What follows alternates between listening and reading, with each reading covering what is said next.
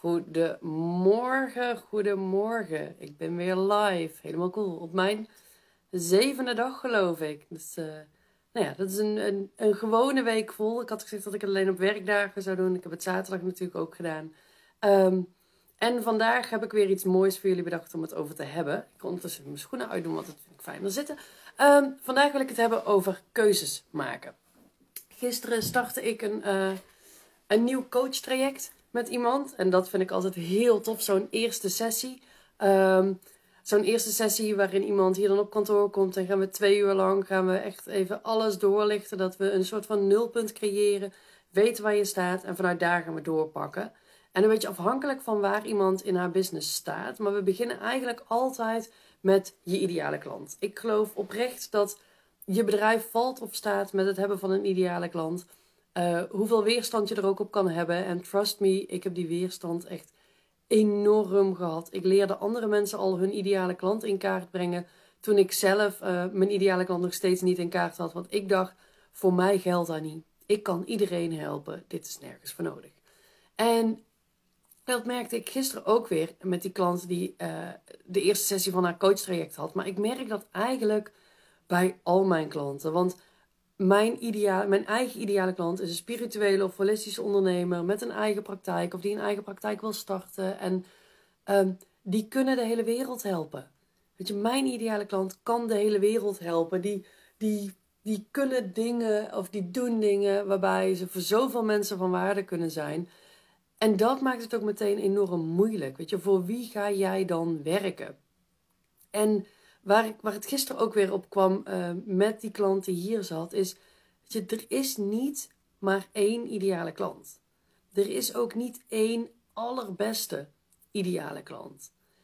Terwijl we vaak wel denken en daarom die keuze heel zwaar maken. Van ja, maar we moeten nu de allerbeste keuze maken. We moeten het nu wel goed doen. We moeten de ideale klant kiezen. En dat is niet waar. Je moet een ideale klant kiezen. En misschien zijn er voor jou wel vijf of zes of vijftien mogelijkheden voor een ideale klant die je kunt kiezen. En van die vijf of zestien mogelijkheden zijn er misschien wel drie echt mega goed. En het maakt niet uit welke de beste is. Waar het om gaat is dat jij kiest. Dat jij een keuze maakt en vanuit daar verder gaat. En natuurlijk wel een keuze waar je blij van wordt. Ehm, van al die mogelijke ideale klanten, kies er dan vooral een die jij zelf leuk vindt. Maar als dat er meer zijn, gooi een muntje op. Um, doe briefjes in een bakje en kies er één. het gaat erom dat jij die keuze maakt. En er is niet één allerbeste keuze. Weet je, dat is niet met je ideale klant, maar dat is wel, met wel meer dingen zo. Um, als je kunt kiezen uit vijf smaken thee, weet je, is er ook niet één beste keuze. Je kiest gewoon iets wat je lekker lijkt. Ook met gebakjes. Of um, als je, je je baan in loondienst op wilt gaan zeggen, weet je, dan kun je heel lang nadenken over welke datum. Maar het gaat erom dat je gewoon een datum kiest.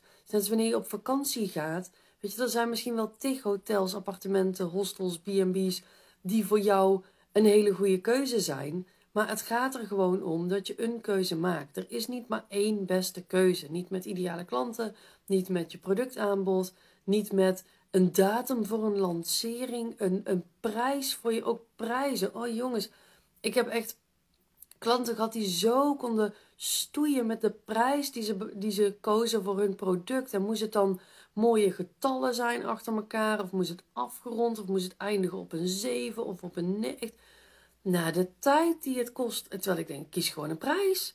Kies gewoon een prijs, want die paar euro meer of minder maakt niks uit. En dat is eigenlijk wat ik je vandaag vooral mee wil geven. Is het gaat vaak niet om de keuze die je maakt. Want die zijn bijna altijd wel goed. En weet je, worst case scenario. Was het een kutkeuze? Was het gewoon bagger en heb je spijt? Nou, dan kies je over drie maanden gewoon iets anders. Weet je, als jij een ideale klant kiest en je denkt na een paar maanden van ja, ik heb dat toen wel gekozen, maar heel eerlijk, ik word hier helemaal niet blij van. Of ik vind deze klant niet leuk of wat dan ook dan kies je toch gewoon een andere. Dus je kraat je niet aan om dat iedere twee weken te doen, want er gaat nog wel wat mee gepaard op het moment dat je die keuze verandert. Maar heb jij drie tot zes maanden gewerkt met een bepaalde ideale klant en denk je, ik word hier helemaal niet gelukkig van, dan kies je gewoon een andere uit dat rijtje met al die opties. Dus net als als jij een hotel hebt geboekt en je zit in dat hotel en je denkt, ik word hier niet blij van, dan boek je gewoon een ander hotel. En als jij een prijs hebt gekozen voor je product en je denkt, ja, waarom werk, hier, werk ik hier eigenlijk voor?